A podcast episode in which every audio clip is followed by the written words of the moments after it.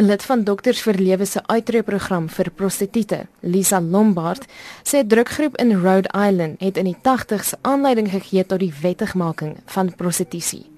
Die doel was om diegene betrokke by die bedryf se menswaardigheid te beskerm. Die kriminalisering van prostitusie is 'n afstootlike miskraam wat onder die dekmantel van menseregte vir koppelaars of pimps, kan ek maar sê, die reg gee om vrouens en mans te verkoop en dan die aankoper van seks op 'n toweragtige manier laat begin lyk het soos 'n gerespekteerde kliënt. Ons werk self met hierdie meisies. Elke een wat ons gevra het, sal eerder iets anders te doen as prostitusie. Volgens die organisasie is prostituie uiteindelik nie beskerm nie en sal dit ook nie die geval wees in Suid-Afrika nie. Daar was 127 klagtes teen sewe verskillende misdaadfamilies en hulle het Koreaanse vroue ingesmokkel.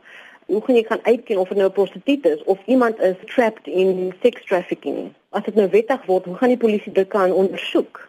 In Duitsland en Nederland is dit 'n wettige praktyk. Volgens Embrace Dignity se adjunkdirekteur Nozizwe Matlala Routledge het dit selfs nagevolge in hierdie lande.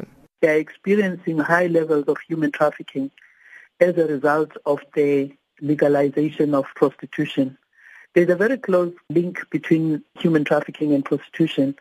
Also, there's a close link with organized crime, drug smuggling, arms smuggling, with a whole lot of illegal businesses.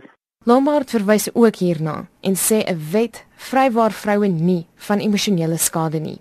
BBC het eintlik 'n dokumentêr uitgesaai van 'n vrou wat hulle gevolg het en hierdie vrou sy was nog nie seer gemaak op een of ander manier nie, maar dit het haar nog steeds fisies en emosioneel aangetast.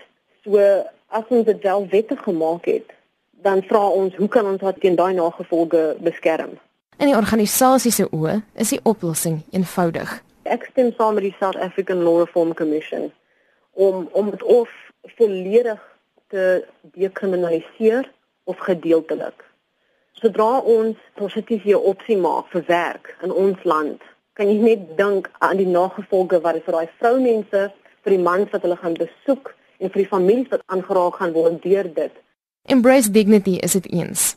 Volgens Madlala Routledge leef verskeie Suid-Afrikaners reeds in armoede en kan die uitweg nie in teenstelling wees met hul grondwetlike regte nie. One of the things that is in our constitution which we value is human dignity.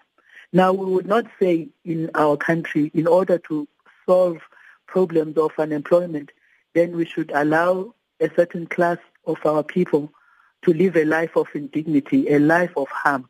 Volgens haar moet wetgewing wat reeds in lande soos Swede en Frankryk aangeneem is, ook hier toegepas word. Just the women must be decriminalized in order for them to be supported to leave the industry so that they don't carry the stigma, they don't carry the criminal record.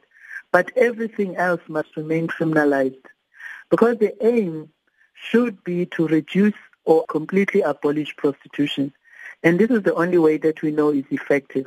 Dit was Embrace Dignity se adjunkdirekteur Nozizwe Madlala Routledge. Ek is Marlene Forsie vir SAK nuus.